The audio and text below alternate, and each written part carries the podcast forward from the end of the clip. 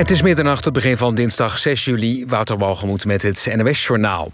De hoeveelheid huisvuil is vorig jaar flink toegenomen. In coronajaar 2020 werd er volgens het Centraal Bureau voor de Statistiek... 9,1 miljard kilo huishoudelijk afval ingezameld. Zo'n 520 kilo per persoon. Het is ruim een half miljard meer dan in 2019. Doordat mensen veel thuis werkten, aten en online winkelden... zagen afvalverwerkers onder meer de berg plastic verpakkingen... blik en karton toenemen. Ook was er meer klusafval. Volgens de verwerkers is de hoeveelheid bedrijfsafval in 2020 afgenomen... maar daarover zijn nog geen actuele cijfers.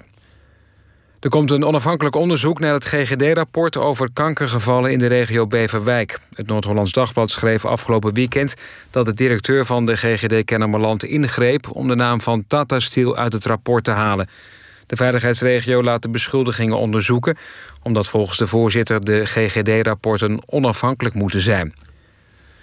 De ophokplicht voor biologische en vrije uitloopkippen is om middernacht voor het hele land opgeheven. Eerder gebeurde dat al voor grote delen van Overijssel, Gelderland, Limburg en Brabant.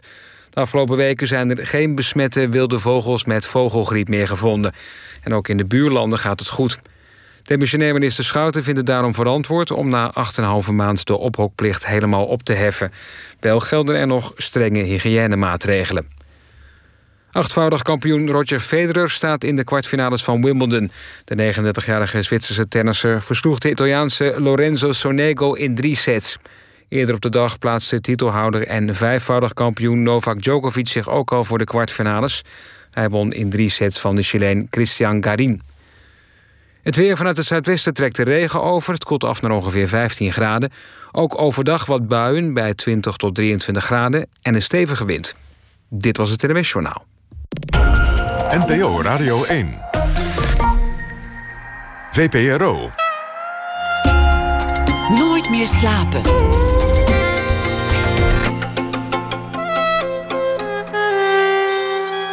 Met Atze de Vriezen. Goedenacht en welkom bij Nooit meer slapen. Ik waande me vanmiddag even in een nachtclub.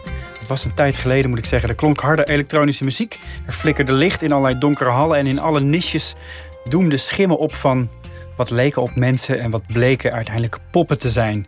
Het was geen nachtclub, het was eh, AVL Mundo, het domein van beeldend kunstenaar en ontwerper Joep van Lieshout. De ruimte die alleen al bezoeken waard is vanwege de kisten vol kunstwerken die niet tentoongesteld worden. Uh, die staat in het teken van de expositie Fake Me Hard.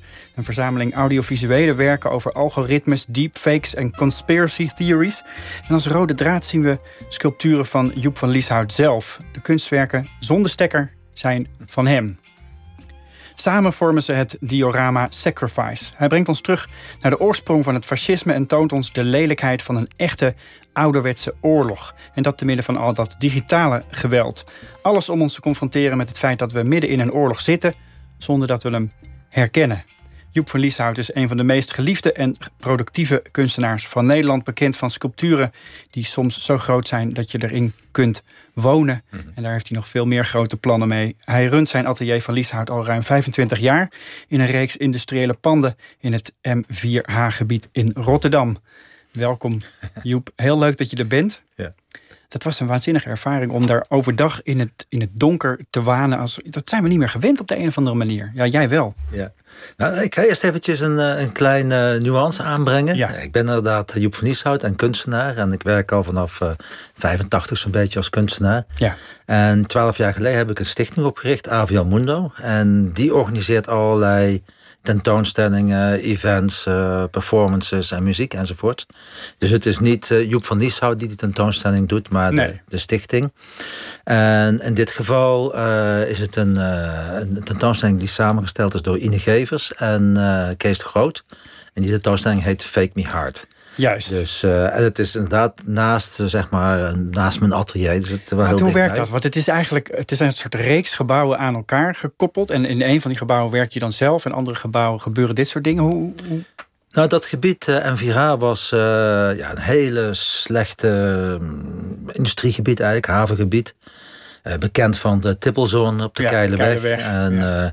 Ja, het was gewoon echt een hele nou ja, verlopen gebied. Maar ik zat er al vanaf 87 en dan uh, ja, er kwamen allemaal gebouwen leeg te staan. Daar kroop je dan in en dan werd het weer gesloopt. Ging je naar een andere toe. En uh, Een jaar of twaalf geleden, toen was het een beetje zat. En toen stond er een mooi gebouw te koop voor heel erg weinig geld. Want Niemand, keek er naar om. niemand keek erom. En, dus heb ik echt ja, voor de prijs van een appartement een, een atelier gekocht van 2000 vierkante meter. Prachtig dus. Maar ja, eigenlijk toch een beetje te klein voor mijn grote dromen. En toen, een aantal jaren later, kwam het gebouw van de buren vrij. En toen kwam weer een gebouw vrij. En toen daar weer. En, te klein, daar bedoel je eigenlijk vooral fysiek dat je grotere dingen wilde maken dan, je, dan in die ruimte pasten? Ja, ik maak inderdaad hele grote werken. En ik verkoop relatief weinig. en zeker die grote werken niet. Dus ik heb enorme opslagruimtes nodig. En uh, dus daarom had ik veel ruimte nodig. Maar ik dacht ook van ja, als je dan zoveel ruimte hebt en je hebt de mogelijkheden, je hebt de connecties. Ja, waarom geef je dan ook niet de kans aan andere kunstenaars om ook een tentoonstelling te doen? Om en, en zodoende eigenlijk een plek te creëren, anders dan een museum. Hè, want een museum is toch vaak ja, moeilijk, te klein, uh, heel, heel bureaucratisch georganiseerd. Ook heel steriel vaak, vind ik. Heel steriel. Heel serieus. Ja. Dat is dit niet. Het is uh, speels, het is donker, het is uh, rauw.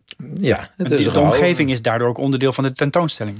Zeker, ja. Het is inderdaad eh, niet een uh, white cube. alle gebouwen lekken en zijn onverwarmd. En iedere, iedere ruimte heeft een andere lucht. De ene ruikt naar hout en de andere ruikt naar uh, rottende huiden. En die ruikt weer naar specerijen. En die ruikt weer naar bier. Dus al die bedrijven die erin gezeten hebben in de afgelopen honderd jaar, die hebben allemaal een hele specifieke lucht achtergelaten, maar ook hele specifieke architectuur achtergelaten. Maar ruik je dat echt heel lang, jaren later, nadat die bedrijven er al uitgegaan zijn, ruik je die geur nog? Ja, dat ruik je nog, ja.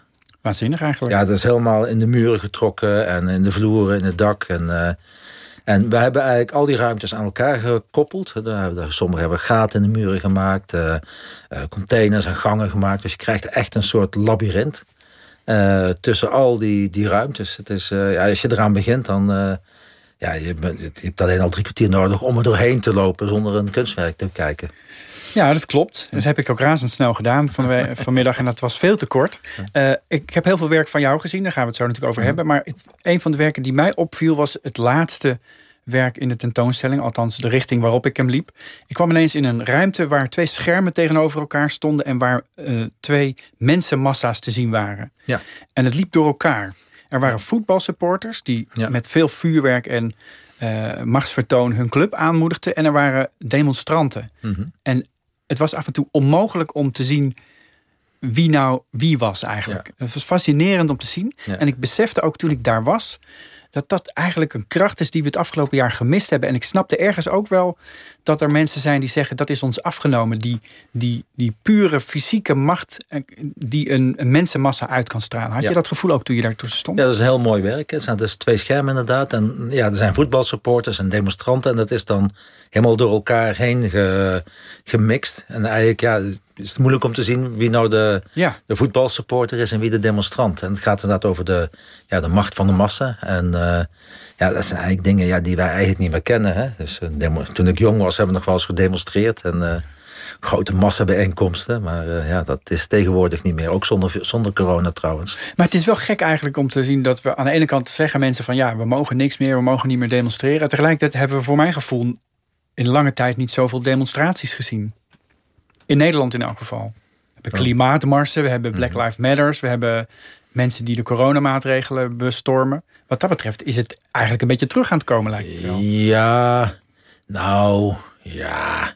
Nou, ik weet toen, ik was toevallig in 2003 of 2004 toen uh, uh, die oorlog in het Midden-Oosten begon. In uh, Afghanistan was het, geloof ik. Of Irak. Nou, er waren, ik was toen in Barcelona. Er waren gewoon weet ik veel, 3 miljoen mensen op straat. En in Nederland waren het er dan uh, eh, 30.000 of zoiets. Dus Nederlanders zijn wel een beetje, een beetje laks als het om demonstreren gaat. Mis je dat? Want er zit een enorme, uh, een enorme drang naar revolutie in alles wat je ziet in die, in die uh, tentoonstelling. Ja, ik, ik denk dat, een, een dat het wel een bepaald idealisme uh, wel mist. En ik denk dat veel mensen zich in een niche gaan bewegen en uh, dan zeg maar heel specifiek daarmee zijn, mee bezig zijn. En eigenlijk de grote lijnen, de grote ideologieën, de, de grote beweging, dat die eigenlijk ondergestroomd raakt tussen al die kleine bewegingjes.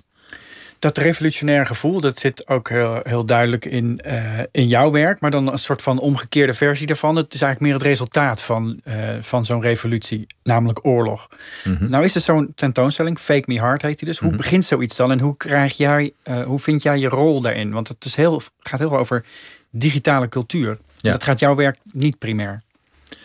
Nee, uh, ja, nogmaals, de tentoonstelling is van uh, Ine Gevers en uh, Kees de Groot. En dus ik ben onderdeel van Team Human. Dat is eigenlijk hoe de mens zich gedraagt ten opzichte van al die ontwikkelingen. En in dat diorama Sacrifice, heet het, opoffering. Ja. Daar uh, ja, is eigenlijk een soort decor, zou je kunnen zeggen. Een soort filmdecor waar dan de acteurs uh, niet meer aanwezig zijn. Een soort, ja, dat is het eigenlijk het beste omschreven. En, uh, en al die werken die gaan op een bepaalde manier aan over opoffering. En uh, ja, eigenlijk dat wat we eigenlijk niet meer kennen. Mijn, mijn ouders, mijn grootouders hebben nog oorlog meegemaakt en honger. En ja, dat hebben wij hier in het Westen in ieder geval helemaal niet meer meegemaakt. En als er dan.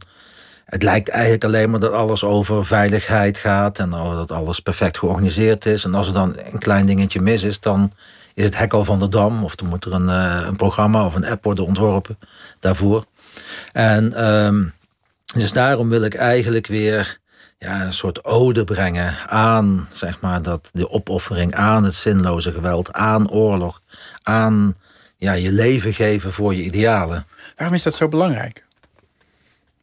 Nou, ik denk dat het uh, heel menselijk is. Hè? Dat je een mens, hè, als je een mens even ziet als een organisme, als een dier, dan, uh, ja, dan ga je voedsel zoeken en uh, ruzie maken, oorlog voeren. je moet natuurlijk een, jezelf voortplanten.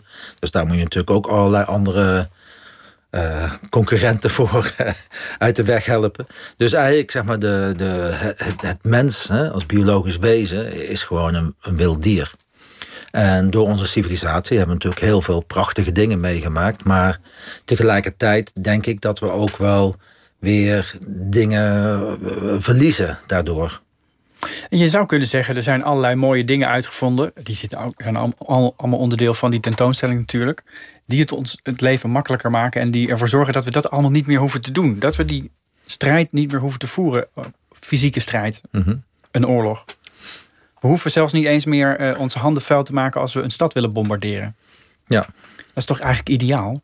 Waarom is dat een probleem?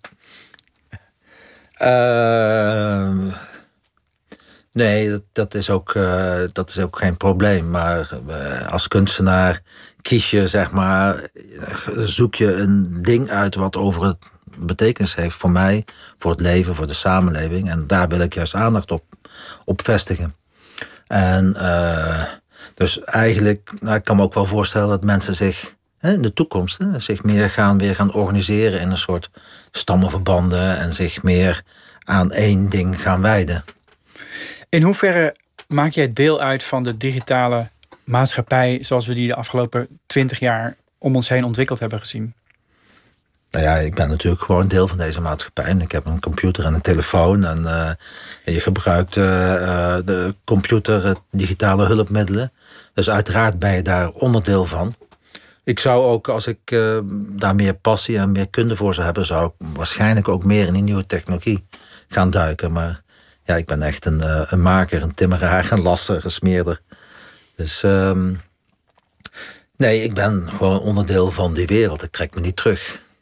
Want er staat natuurlijk heel veel uh, kunst om je heen nu die uh, digitaal is. Mm -hmm. met computers gemaakt, et cetera. Mm -hmm. Wat voor, hoe, hoe kijk je daarnaar? Hoe verhoudt jouw werk zich daartoe? Want dat is maar heel fysiek werk. Ja, in mijn werk raak ik graag grote thema's aan. Hè? Liefde, uh, verdriet, uh, lijden, liefde, voortplanting, doodgaan. En ehm, ja, en dat, dat is eigenlijk, zeg maar eventjes, ga je eigenlijk weer terug naar de, de kern van mens zijn. En die zin is het misschien juist het tegenovergestelde, of is het juist de, het, de, het, um, het punt wat zeg maar, dat andere juist weer, dat het elkaar op scherp zet. En natuurlijk, ja, uh, Fake Me Hard. Uh, het is natuurlijk een diorama.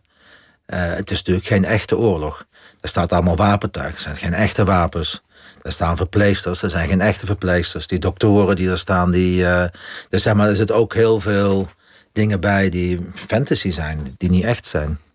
Dus ja, het is eigenlijk uh, digitale kunst zonder stekker. Heb je digitale kunst zonder stekker, ja. En, en, en, een filmset zonder camera's en zonder acteurs. Ja. Maar, waar, die, zonder verhaal. Zonder, zonder een eind. Ja. Zonder een eind, ja. Die, die fascinatie voor, voor dat, dat oorlogstafereel, heb je die altijd gehad? Uh, ja, eigenlijk, eigenlijk wel. Ja. In ieder geval, uh, de holocaust heeft me altijd heel geïnteresseerd. Uh, verzet, revolutie heeft me geïnteresseerd. Grote utopieën hebben mij, interesseren mij. Dus, de, dus communisme, fascisme, religie. Die, ja, dat interesseert mij enorm. Je zei net, mijn vader heeft wel de oorlog meegemaakt. Mm die, die heeft de Tweede Wereldoorlog meegemaakt en alle ellende die in de mhm. jaren daarna nog kwam. Sprak je daar met hem over? Nou, hij ging heel vroeg dood, dus ik heb daar die kans niet uh, voor gehad. Maar hij is bijvoorbeeld ja, echt behoorlijk de klos geweest. Tussen zijn uh, vijftiende en zijn twintigste uh, was de Tweede Wereldoorlog. En daarna was hij als dienstplichtig soldaat vier jaar in Indonesië. Dus die heeft van zijn vijftiende tot zijn 25 ja, echt in een oorlogssituatie gezeten. Ja. En je was een jaar of negen, tien toen hij overleed, geloof ik. Hè? Ja, tien jaar of negen. Ik, heb, ik heb zelf een zoon die, is, die leeftijd en die is mateloos gefascineerd door de Tweede Wereldoorlog. Mm kan natuurlijk op die leeftijd zo zijn. Ik kan me ook voorstellen dat je later dacht van had ik, had ik hem er maar naar gevraagd.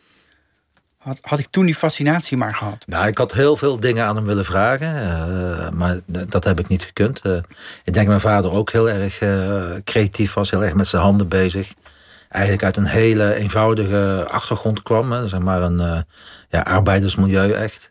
En, maar die ja, gewoon heel ambitieus was en wilde bijleren. En, en eh, een, een, een, goede wereld wilde bouwen. En een huis wilde bouwen. En een vrouw en kinderen wilde hebben.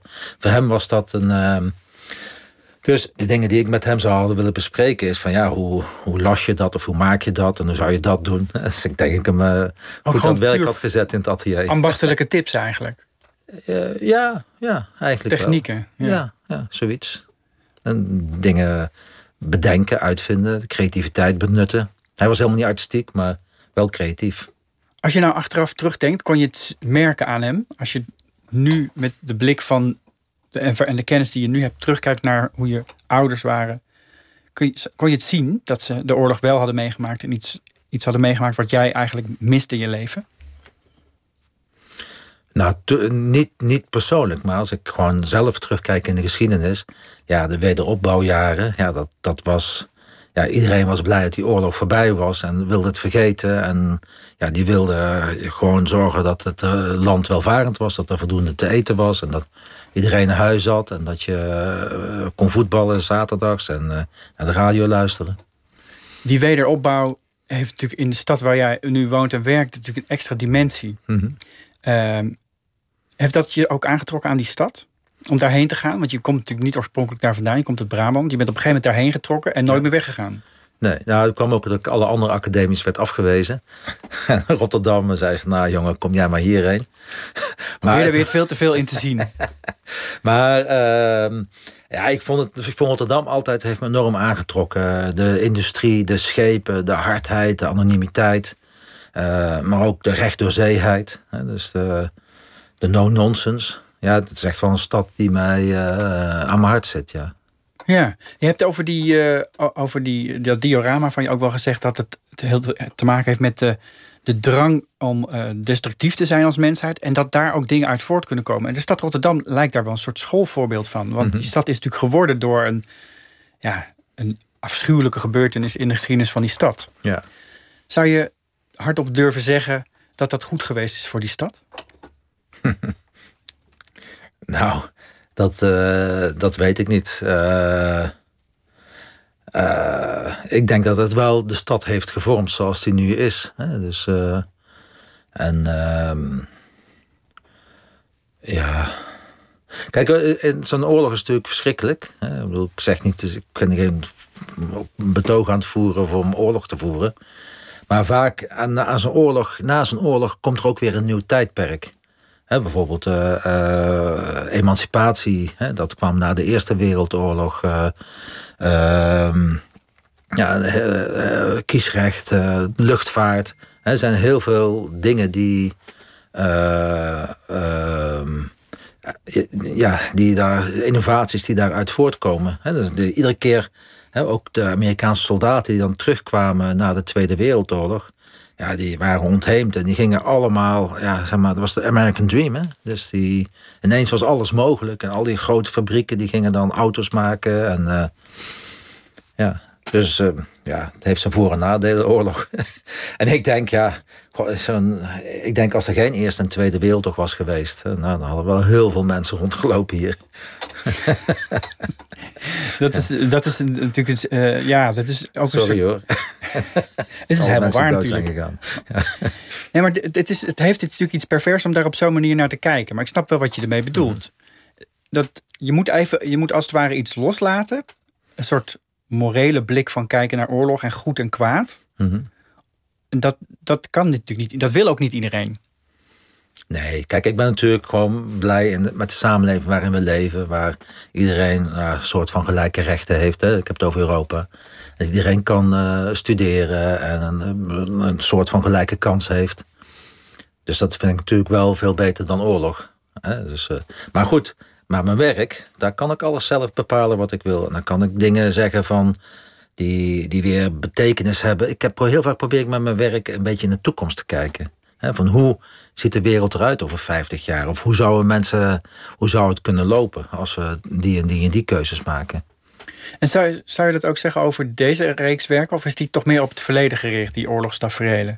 Want we, hebben, we kennen dit niet meer en we, we gaan het waarschijnlijk ook niet meer zien in ons land. zeg ik nu heel mhm. ja. nou, optimistisch.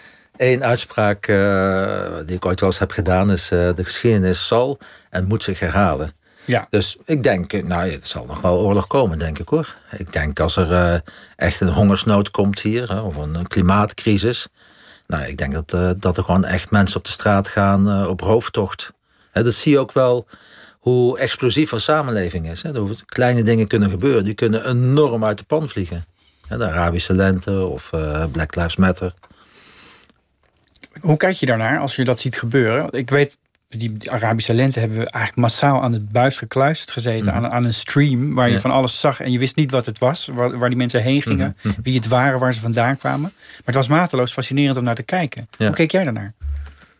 Ja, ik, toen, toen dat gebeurde dacht ik echt van, uh, ja, hartstikke goed natuurlijk. Maar uiteindelijk gaan de islamisten, dus de, de, de, de, de, de, de orthodoxe gelovigen die zijn goed georganiseerd en die gaan de macht prakken. Dat hebben ze ook gedaan.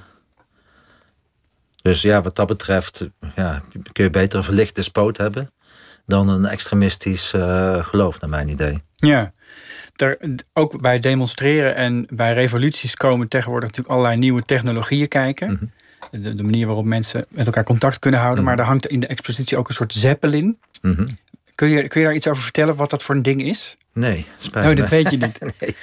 Ik weet niet, ik ken, ken niet alle verhalen achter nee. de kunstwerken. Ik heb een heel kort iets over gehoord, maar het was een, een zeppelin die gebruikt wordt bij demonstraties om ook uh, menigtes in de gaten te houden. En mhm. ik vond het een fascinerend verhaal, maar ik had er te weinig van tot me genomen. Maar jij weet het ook niet. Nee, maar dat is goed juist, want dan moet iedereen is nu nieuwsgierig en dan gaan ze naar de tentoonstelling toe. En terecht. Dat is een fantastisch ding. Ik heb hem zien hangen. Een hele mooie uh, helemaal doorzichtige, opgeblaasbare zeppelin met allerlei dingen erin. Ja. Dus daarnaast staan die zusters van jou. Ja. En die, um, waar, waar, ja, waar, waar, is dat, dat beeld bij begonnen? Nou, dat is begonnen met. Uh, uh, het is eigenlijk een dokter met drie zusters. die dan hele lange witte jassen aan hebben. Een soort uh, monnikspijen zijn het haast. En die hebben een soort van, van jute, een soort touwen, een soort rasteren voor uh, voor een gezicht zitten. En daar staat allemaal hele grote rode kruisen opge, opgestikt. Ja, in, zekere zin is het een dokter, maar tegelijkertijd is het gewoon, ja, ziet er gewoon heel erg luguber uit. Terwijl die verpleesters, die hebben dan allemaal ja, best wel kekke, leuke, sexy pakjes aan, maar ook wel heel archetypisch.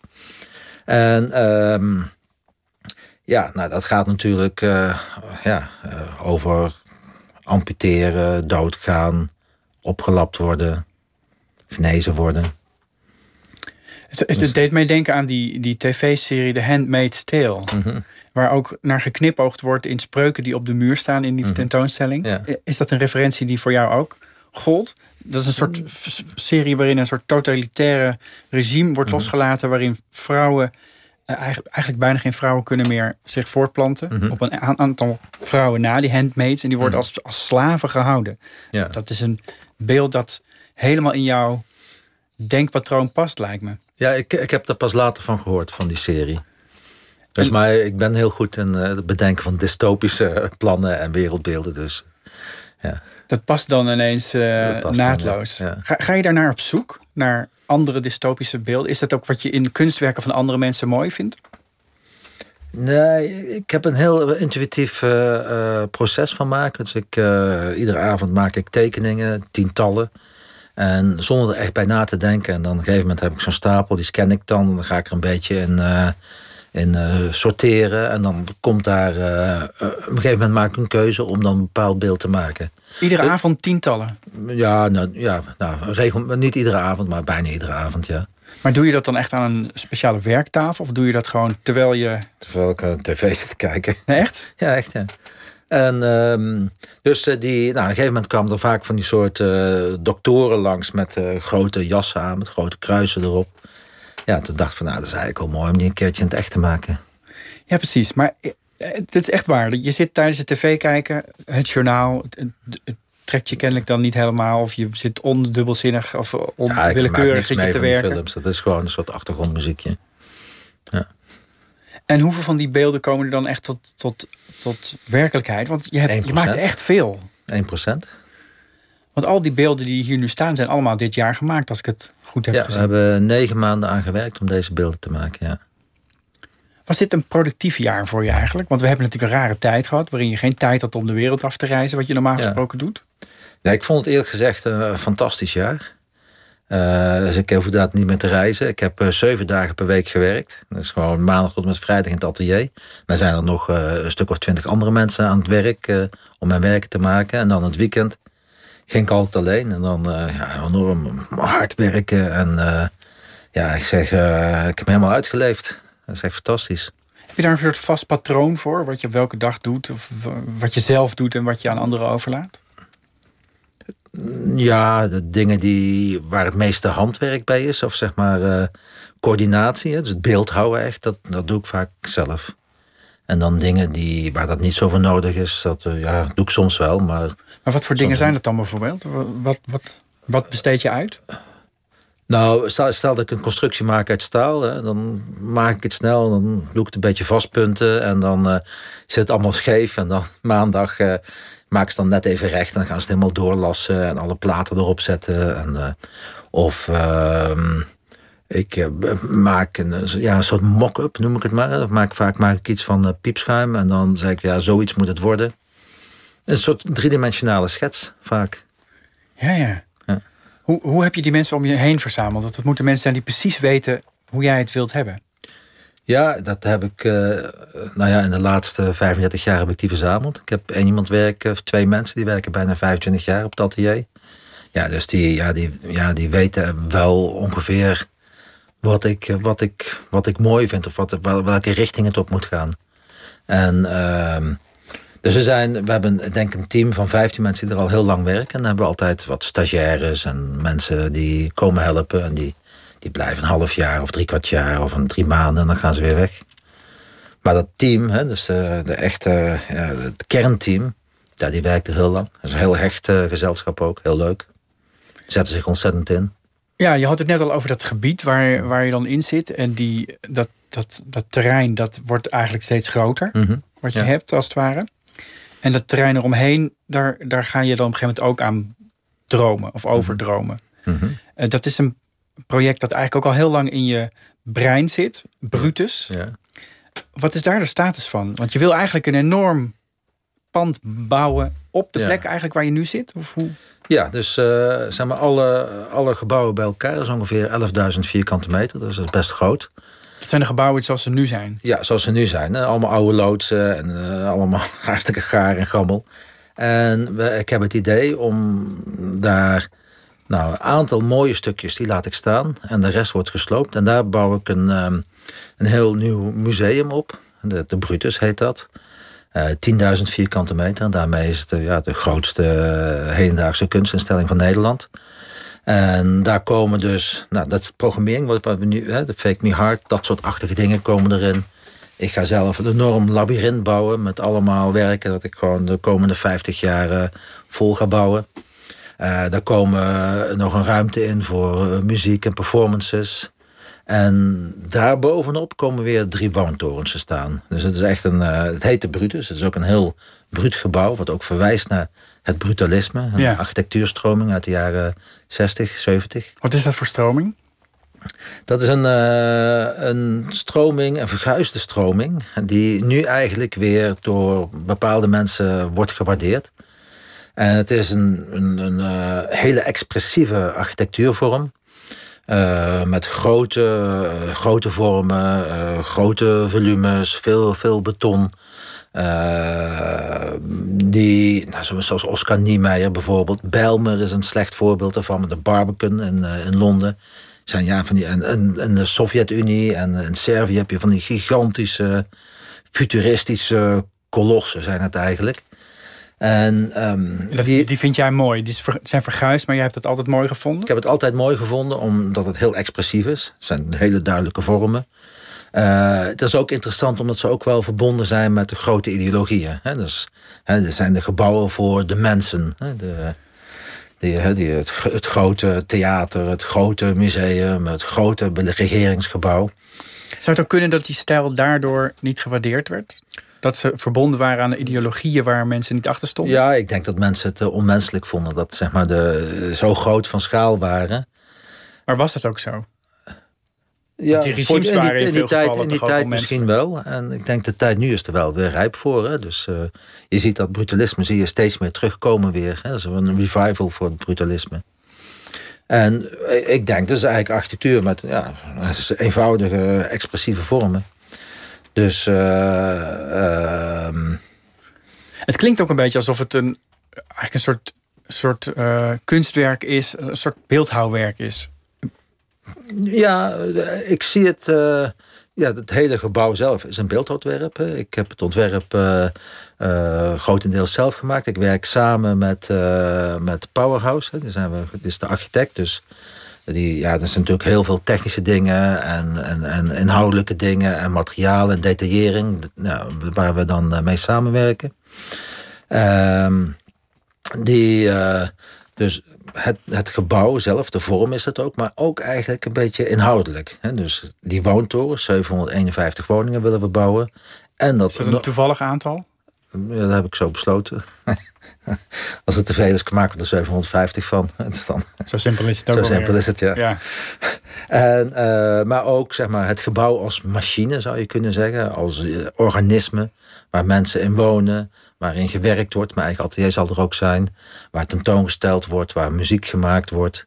Waar geleefd wordt. Op het dak van het, uh, van het museum komt een enorm dakpark te zitten. Met heel veel groen en bomen. En sculpturen ook.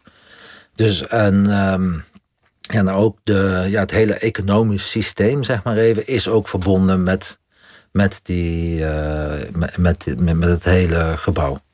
Nou klinkt dit misschien op dat plukje groen na als de ultieme nachtmerrie van Thierry Baudet. Die, uh, die vindt dat dit natuurlijk enorm lelijke architectuur is en, en, en een vernachteling van de prachtige cultuur zoals we die in West-Europa hebben. Daar heb jij volgens mij lak aan. Maar daar zit ook een, een stuk visie op hoe de maatschappij vooruit moet in. Je zegt, jij noemt het niet voor niks futuristische gebouwen. Mhm. In hoeverre verhoudt het zich tot het verleden, ook van een stad? Nou, ik denk dat het zich heel erg met het verleden uh, verhoudt. het is in de haven van Rotterdam. dus daar waar de grote schepen kwamen, waar de grote kranen stonden, waar de gasfabriek stond, waar de kookfabriek stond. Waar, dus zeg maar, het zijn juist ja, eigenlijk gebouwen die heel goed in, in zo'n gebied passen. En de, gebouwen zijn, ja, zeg hebben een brutalistische stijl, maar dat betekent niet dat ze niet, niet prettig zijn. We willen ook alle appartementen die erin komen, hele goede materialen gebruiken, heel goed ontworpen, hele goede detaillering. Dus het, ja, het, is, het is een, een, zijn gebouwen met karakter. En dat is denk ik ook wel nodig. Er is heel veel slechte architectuur die geen karakter heeft. Dus eigenlijk gaat het mis met een brutalistisch gebouw op het moment dat het karakter ontbreekt of wegvloeit. Kan dat eigenlijk dat een gebouw eerst karakter heeft, maar dat dat wegvloeit? Een, een, ik denk gebouw faalt op het moment dat het zeg maar niet meer in verhouding staat met de mensen. En ik denk in mijn geval is dat niet zo, omdat uh, ja, gewoon ook een hele uh, mooie, prettige uh, leefomgeving wordt gecreëerd. Hè, waar ook veel mensen in wonen, waar veel mensen in die daktuin zullen, zullen gebruiken, van de faciliteit gebruik zullen maken. Dus ik denk brutalisme, ieder gebouw zeg maar even, gaat fout als de verbindenis met de mens verloren wordt. Voor wie net inschakelt, Joep Policehout is hier. We hadden het net al over Fake Me Hard, een tentoonstelling die in zijn uh, ja, gebouwen een soort van uh, doolhof van gebouwen op dit moment te hmm. zien is. En we hebben het ook over de woontorens die er ooit moeten komen als een soort van. Uh, nou, ooit. ja, ja, ooit toch? Ze zijn er nog niet. Nee, ze, zijn moeten in elk geval een tegenwicht eh, gaan bieden aan de Lee Towers. Die staan er pal naast, hè? Ja. Nee, we zijn echt full force bezig met twee grote teams om, eh, ja, om het voor elkaar te krijgen, om het te detailleren, om uh, omgevingsvergunning, uh, bouwvergunning te krijgen. En wanneer moeten die er dan staan? Nou, daar zitten, we moeten nog wachten op de bestemmingsplanwijziging en uh, zogenaamde milieueffectreportage. Wat voornamelijk gaat over geluid uit de haven, of dat acceptabel is om daar tussen te wonen. Nou, die resultaten die zullen ja, komende maanden worden die bekend. En dan moet het bestemmingsplan worden gewijzigd. Nou, zoiets duurt anderhalf jaar. En in de tussentijd gaan wij gewoon lekker door. Zodat we, nou ja, zo op het moment dat de bestemming is, dat we dan ja, eigenlijk kunnen gaan bouwen.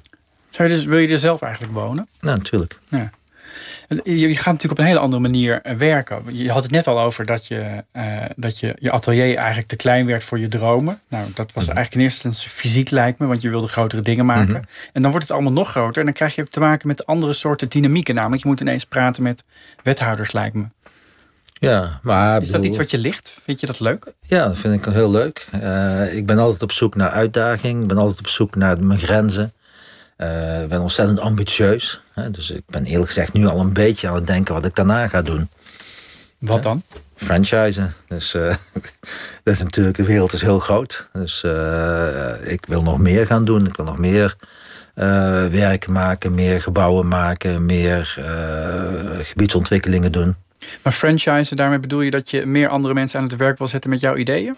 Nee, dat ik, dat ik nog andere gebouwen ga maken. Dus de wereld is groot. Uh, dus um, nee, die, dat, zeg maar, dat, uh, ja, dat kost me één of twee dagen per week ben ik daarmee bezig.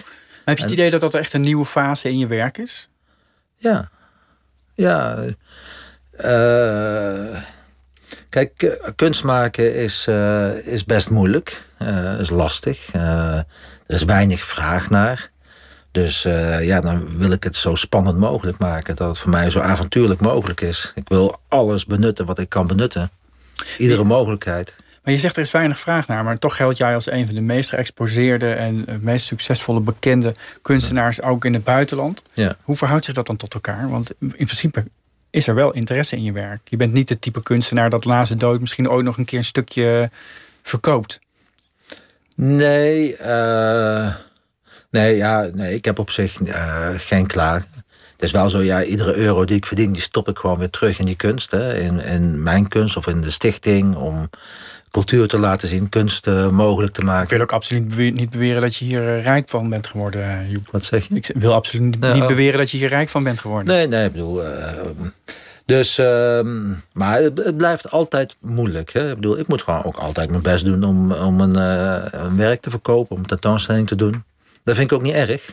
Maar hoe gaat dat dan? Want je, je gaat dan praten over een gebied. Nou, dat gebied ik, je zei net, het, is een, uh, het, het, was een gebied waar lange tijd niet naar uitgekeken werd. Mm. Hè. Er zat ook, uh, de, de, de, wat je zei, de tippelzone eh, lag daar. Mm -hmm. uh, gebouwen staan nog steeds soms leeg of mm -hmm. van die inge, ingegooide ruiten. -hmm. Tegelijkertijd zie je dat er, uh, dat er nieuw asfalt ligt. Ja. Dat valt dan op zodra je zo'n plek binnenkomt dat je denkt, goh, het is toch niet helemaal verlaten. Nee, nee, nee. Kijk, het, is het, gebied uh, M4H, dat is 130 hectare. Dat is ongeveer net zo groot als het centrum van Rotterdam. Dit is een, een industriegebied wat in de komende tien jaar zal worden uh, herontwikkeld als een woon-werkgebied. Dus waar mensen kunnen wonen, maar waar ook ruimte is om, om te werken. Werkplaatsen, kleine maakindustrie. Dus uh, ja, dat hele gebied, als je over tien jaar komt, dan, uh, ja, dan is het gewoon onderdeel van de stad geworden. En meestal zijn uh, dat soort gebieden zijn er in trek bij kunstenaars en creatieven, want dat zijn dan goedkope, verlaten gebieden, die dan uiteindelijk, op het moment dat het ontwikkeld gaat worden, ja, weer de buurt uitgedreven wordt, omdat ze de huur niet meer kunnen betalen. Nou ja, ik heb geluk gehad en het inzicht gehad dat ik zeg van ja, dat zal mij niet gebeuren. En ik ben dus in staat geweest om nou, toch heel strategisch met die leegstand om te gaan. En met de, mijn, mijn inzet en creativiteit iets te maken waardoor wij ook de mogelijkheid krijgen om zo'n fantastisch project te doen. Het duurt eigenlijk verrassend lang als je het zo bekijkt. Want je zit er al heel lang. Al, al meer dan 25 jaar geleden is dat, heb je dat pand betrokken, het eerste pand. Ja, ik heb denk ik 12 jaar geleden eerste schetsen gemaakt. Ja. Het gaat ontzettend langzaam. Ja, nee, maar ook, het, ook die gentrification. Dus zeg altijd dat het gaat heel snel. En jullie zitten daar als kunstenaars al een hele tijd in. Dan zou je denken dat het al veel sneller gaat. Maar we zijn een kwart eeuw verder. Ja, nou ja, nu wachten ze nog op die milieueffectreportage. Dus voordat die uit is, kan er eigenlijk niks gebeuren qua eh, gebouwen, qua bouw. Dus als dat door, ja, de, de, de, de half ontwikkelaar, eh, alle ontwikkelaars van Nederland zitten te azen daar op, de, op een stukje, uh, stukje grond. Ja. Je, hebt, je hebt ook ooit geprobeerd om daar een soort vrijstaat te maken. Dat was weer daarvoor, ja, in 2001. Het is niet helemaal van de grond gekomen, maar het was wel een mooi idee. Het was een fantastisch idee en we hebben een jaar bestaan. En als je dan onderzoek doet naar andere utopische uh, uh, zeg het, samenlevingen, is dat eigenlijk nou, best lang, een jaar. Is dat zo? Ja, dat is zo, ja. Wat, wat was het idee van die vrijstaat? Het idee was eigenlijk om een. nou, in dat, in dat havengebied was een, was een enorme terreinen stonden leeg. Daar heb ik eigenlijk gezegd van nou, ik wil hier een, een vrijstaat creëren. Dus een plek waar eigenlijk alles uh, mogelijk is.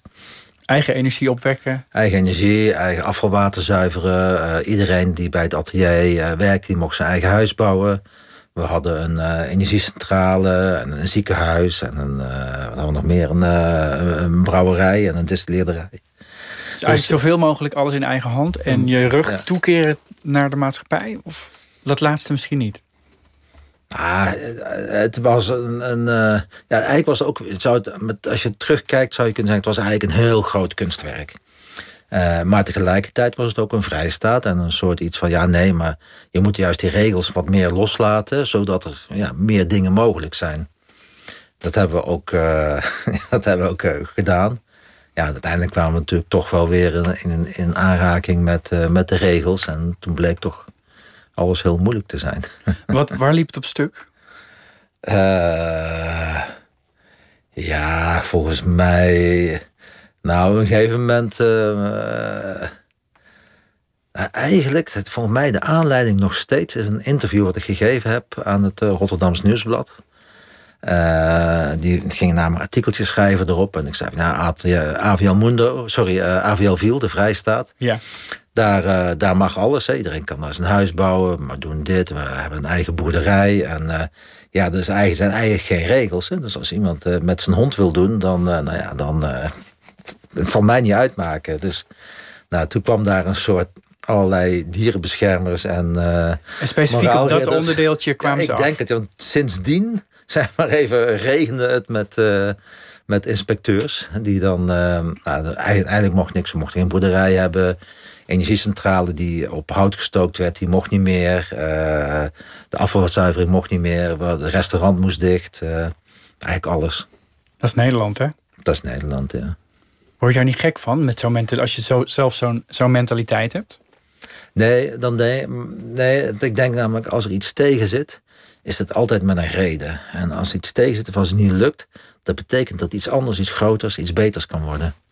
Dus als die vrijstaat niet weg, uh, niet dichtgegooid was, ja, had ik daar nog gezeten waarschijnlijk. Dan had ik allemaal gezeik aan mijn kop gehad. En dus uh, uh, als ik die vrijstaat had gehad, heb ik, ja, zou ik niet AVL Mundo en de Brutus hebben gehad. Je bent een ontzettende optimist. Dus ik denk, ja, hoe meer tegenslag, hoe beter. Ja, je had, je had het, we hadden het eerder in het gesprek over de, de rol die destructie heeft bij, ehm, bij vooruitgang, hè, bij doorbraken. Mhm. In hoeverre zou je kunnen zeggen dat een drang naar destructie ook een, in je eigen leven een rol heeft gespeeld in je creativiteit, in doorbraken in je eigen carrière? Die vraag heb ik niet begrepen. Nou, je, je noemde de rol van destructie. Mhm. Dat dingen eerst kapot moeten voordat ze voor een doorbraak kunnen zorgen. Mhm. In hoeverre heb je dat toegepast of moedwillig toe, eh, toegepast of zijn je overkomen in je eigen leven en in je creatieve bestaan?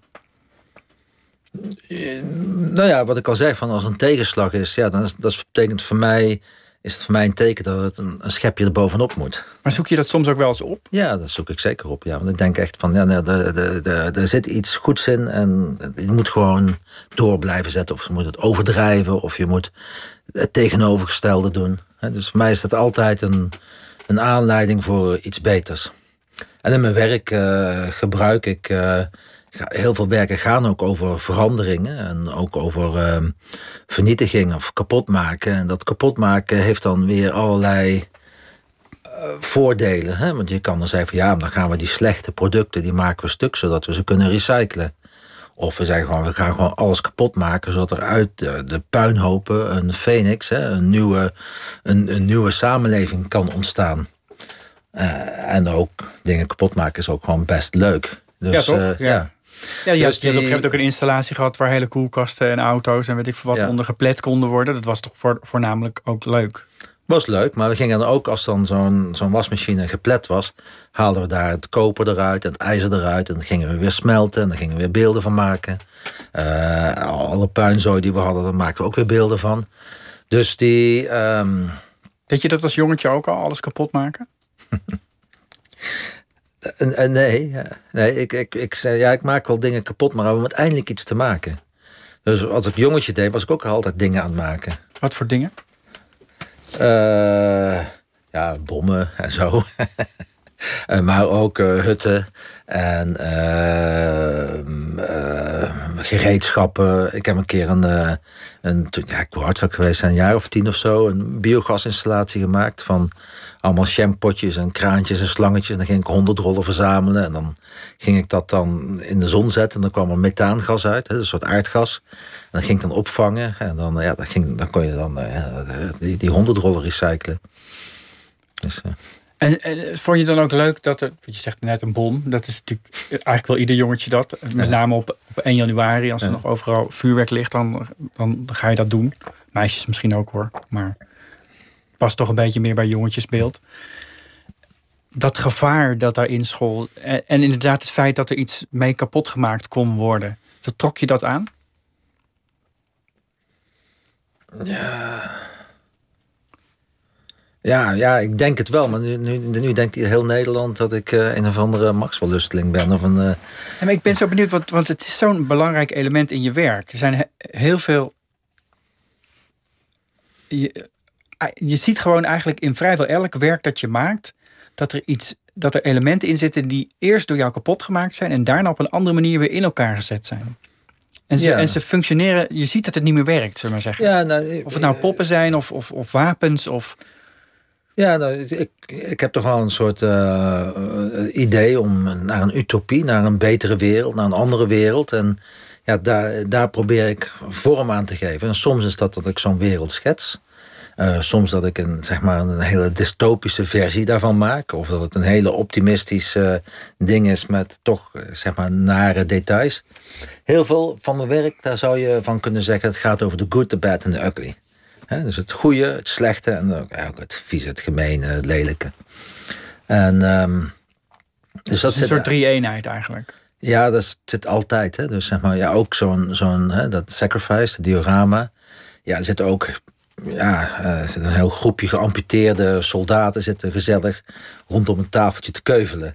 Hè, uh, ja. erbij. Ja, zoiets. En er zijn toch ja, friendship, hè, vriendschap. Uh, het gaat over, uh, ook over dood, maar ook over hoop. er zijn ja, heel veel dingen die komen eigenlijk samen. Dus wat, je, wat een kunstenaar, of in ieder geval wat ik vaak doe, is dat je mensen toch een beetje op verkeerde been zet. Of een beetje uit balans brengt. Zodat ehm, eh, de toeschouwer eigenlijk ja, een eigen idee kan formuleren. Hè, of eigenlijk gestimuleerd wordt om daarover na te denken. Of om daar een reactie op te geven. Dus dat is toch, ja, kunst is eigenlijk helemaal niet zo ingewikkeld als het is. Hè. Het is gewoon, je maakt iets en mensen reageren erop. Hè. Eh, als je een boek, een boek, ja, bij een boek vraagt niemand dat eigenlijk. Hè, waarom iemand schrijft of waarom een verhaal zo is. En met kunst wordt die vraag altijd wel gesteld. Ja, waarom is dat dan zo? En waarom ziet het eruit? En dat is onzin. Maar als je het op een stuk papier schrijft, dan is er niemand die er een vraagteken over heeft. slaat nergens op. Denk je dat we die opofferingsgezindheid, mhm. waar je het net over had, ja. dat we die met het vergeten van de oorlog ook een beetje vergeten zijn? En, die, en wat je, wat je ook wel noemt, is een soort naaste Heel veel mensen die zich opofferen, hoor. Dat, dat denk ik wel. Hè. Nou, dat hebben we natuurlijk ook de laatste twee jaar gezien met die corona. Natuurlijk ook mensen die echt, echt heel veel daarvoor over hebben en doen. Gelaten voor anderen bedoel je? Ja, en voor zichzelf. En dat zijn allemaal verschrikkelijke dingen natuurlijk uh, geweest. Maar het is toch. Ja, het is toch anders. Hè? Zeg maar, je, je, je, je stormt niet de loopgraaf uit. Een kans van 10% dat je binnen vijf minuten dood bent voor 10 eh, meter uh, winst van een stuk weiland. Hè? Want daar kwam het eigenlijk op neer. Nou, als er, als er nog maar gras lag. Ja. ja. Maar dat is, dat is toch fascinerend. Dat is toch, dat is toch, daar kunnen we het ons toch helemaal niets meer bij voorstellen. Die Eerste Wereldoorlog trekt jou volgens mij ook meer dan die Tweede Wereldoorlog. Omdat die nog sterker dat, dat kanonnenvoer aspect had. Dat we echt niet meer kennen. Je opofferen voor inderdaad 10 meter. En, we, en weten dat het eigenlijk al niet eens... Ik ben een keer dat je daarmee niet eens iets, iets, iets veroorzaakt. In de Dolomieten geweest. Dat is een gebied tussen uh, Oostenrijk en Italië. Dat is waar ook de Eerste Wereldoorlog heeft gehoord. Ja, dan loop je helemaal naar... Het was in de zomer, in augustus of zo. Dan loop je helemaal naar de top van de berg. En dan hebben ze dus in die berg hebben ze allemaal loopgraven gemaakt en tunnels en, en, en uh, uh, kanonnen en mitrailleurnesten en zo. En er ligt nog gewoon sneeuw midden in de zomer. Dus je kan je echt niet voorstellen hoe verschrikkelijk dat is geweest. Om daar gewoon vier jaar lang ingegraven gezeten. En dan mocht je één keer in de week, uh, of één keer in de zoveel tijd was dan een aanval. Ja, en dan liep je eruit en dan werd je afgeschoten horrible. Ja. Het, het, het, fascineert me wel dat jij uh, bij die. Op, je hebt eigenlijk in, in alles wat je doet een soort drang naar vrijheid. Dat is een vrijstaat. Of mhm. je, het vormgeven van je eigen uh, atelier. En daar een mhm. hele wereld omheen bedenken. Heel veel van je kunstwerken gaan ook over het, het losrukken van. Uh, van regimes bijvoorbeeld, of van uh, dingen die, die afgedwongen worden. Tegelijkertijd leef je eigenlijk in een tijd waarin je dat eh, min of meer die vrijheid ook wel hebt. Je hebt jezelf een zekere onafhankelijkheid als kunstenaar toch wel veroorloofd in elk geval. Ja, nee, ik heb het goed voor elkaar, ja. nee, ik bedoel, ik, ik kan me niet voorstellen. Dat tijd, ik ben heel blij met, met de tijd waarin ik leef, het land waarin ik leef en de positie die ik heb ja, daar ben ik heel blij mee. En wat miste dan in de utopie van Atelier van Lieshout? Nou, ik zou, als ik zeg maar uh, verlicht despoot zou zijn, dan zou ik uh, toch meer uh, bezig zijn met energievoorziening, met voedselvoorziening. Hè, dus eigenlijk de, met um, Mm, ja, met, met energie, met klimaat, het voedsel. Zorgen dat we een beetje zuinig zijn op de wereld. Daar, zou ik nu, of daar strijd ik nu eigenlijk ook voor. Heel veel van het werk gaat ook wel daarover, uiteindelijk. Dat is iets waar je al heel lang mee bezig bent. En er is nu een nieuwe generatie hele jonge mensen die mm. daarvoor opstaat. Ja. Hoe heb je daar naar gekeken de afgelopen paar jaar? Nou, ik, ik vind dat uh, heel, uh, heel goed. Ja, ik had het niet, niet verwacht dat het. Uh, zeker als je ziet hoeveel mensen nu vegetarisch of veganistisch eten. Dat, dat had je vijf jaar geleden had je dat niet kunnen, kunnen voorspellen. En dat is echt de jongste generatie die daar heel erg mee bezig is. En voel je verbonden met die mensen? Of, of doen die het weer op een hele andere manier dan jij het zelf in je hoofd hebt? Die doen het op een andere manier dan ik zelf in mijn hoofd heb. Maar ik vind het prima dat het gebeurt, ja. Waar verschilt het in?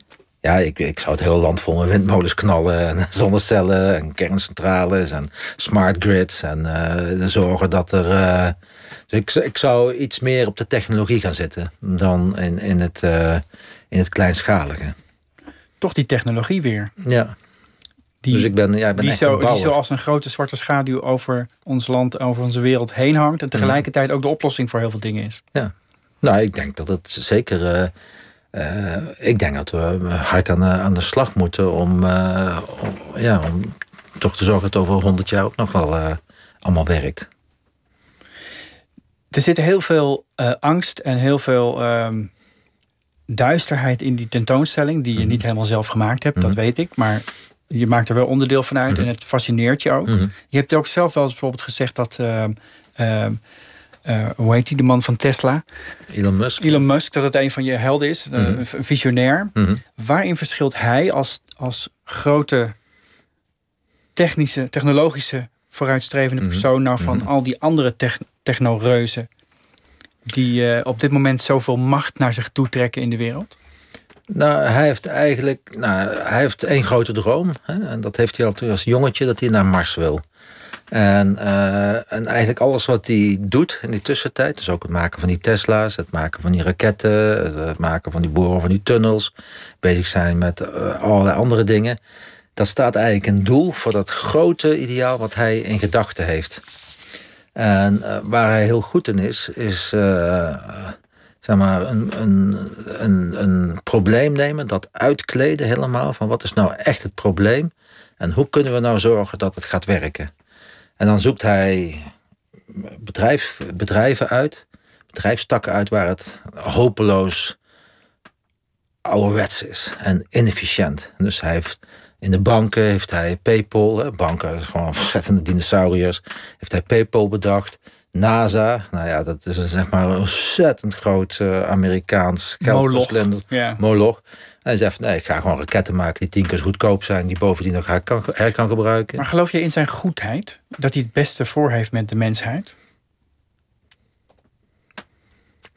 Uh, ja, dat, dat denk ik wel. Ik, uh, ik heb wel eens gehoord dat het niet zo heel fijn werk is bij de Tesla-fabrieken. Maar, ik denk, maar ik denk dat hij zeg maar, een doel voor ogen heeft. Hè, en het doel heiligt de middelen. En ik denk dat hij ook fantastische dingen voor elkaar gekregen. En zich ver uitstijgt boven uh, heel veel andere ondernemers.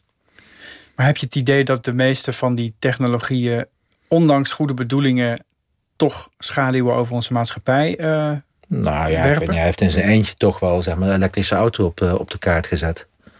daar is hij mee begonnen, terwijl niemand dat uh, wilde geloven. De hele auto-industrie die was erop tegen, die lachte hem uit. Hij heeft voor elkaar gekregen. Volkswagen, volgens mij, gaat alleen nog maar elektrische auto's uh, produceren vanaf 2000 en nog wat. Dus ja, zonder Elon Musk was dat niet gebeurd. Dus nee, hij heeft daar gewoon echt wel dingen voor elkaar gekregen. En dan vind ik gewoon fantastisch hoe hij dat hoe je dat doet met een soort, ja, ook een soort, ja, hoe zeg je dat nou, um, oogkleppen op.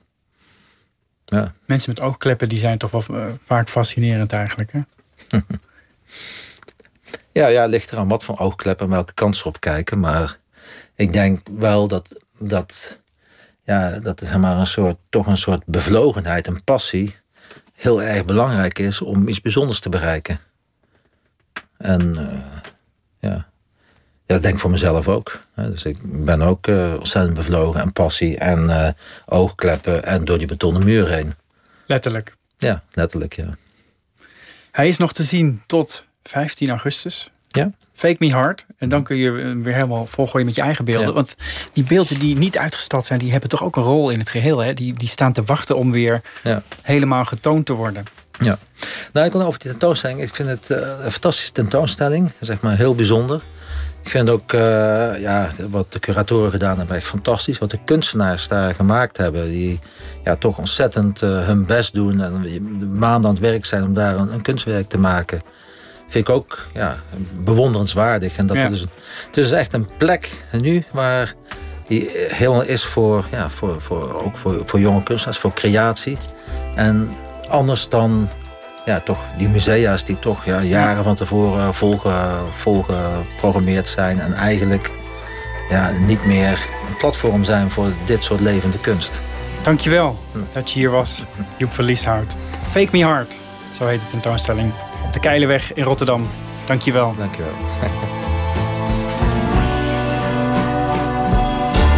Op Radio 1, het nieuws van alle kanten.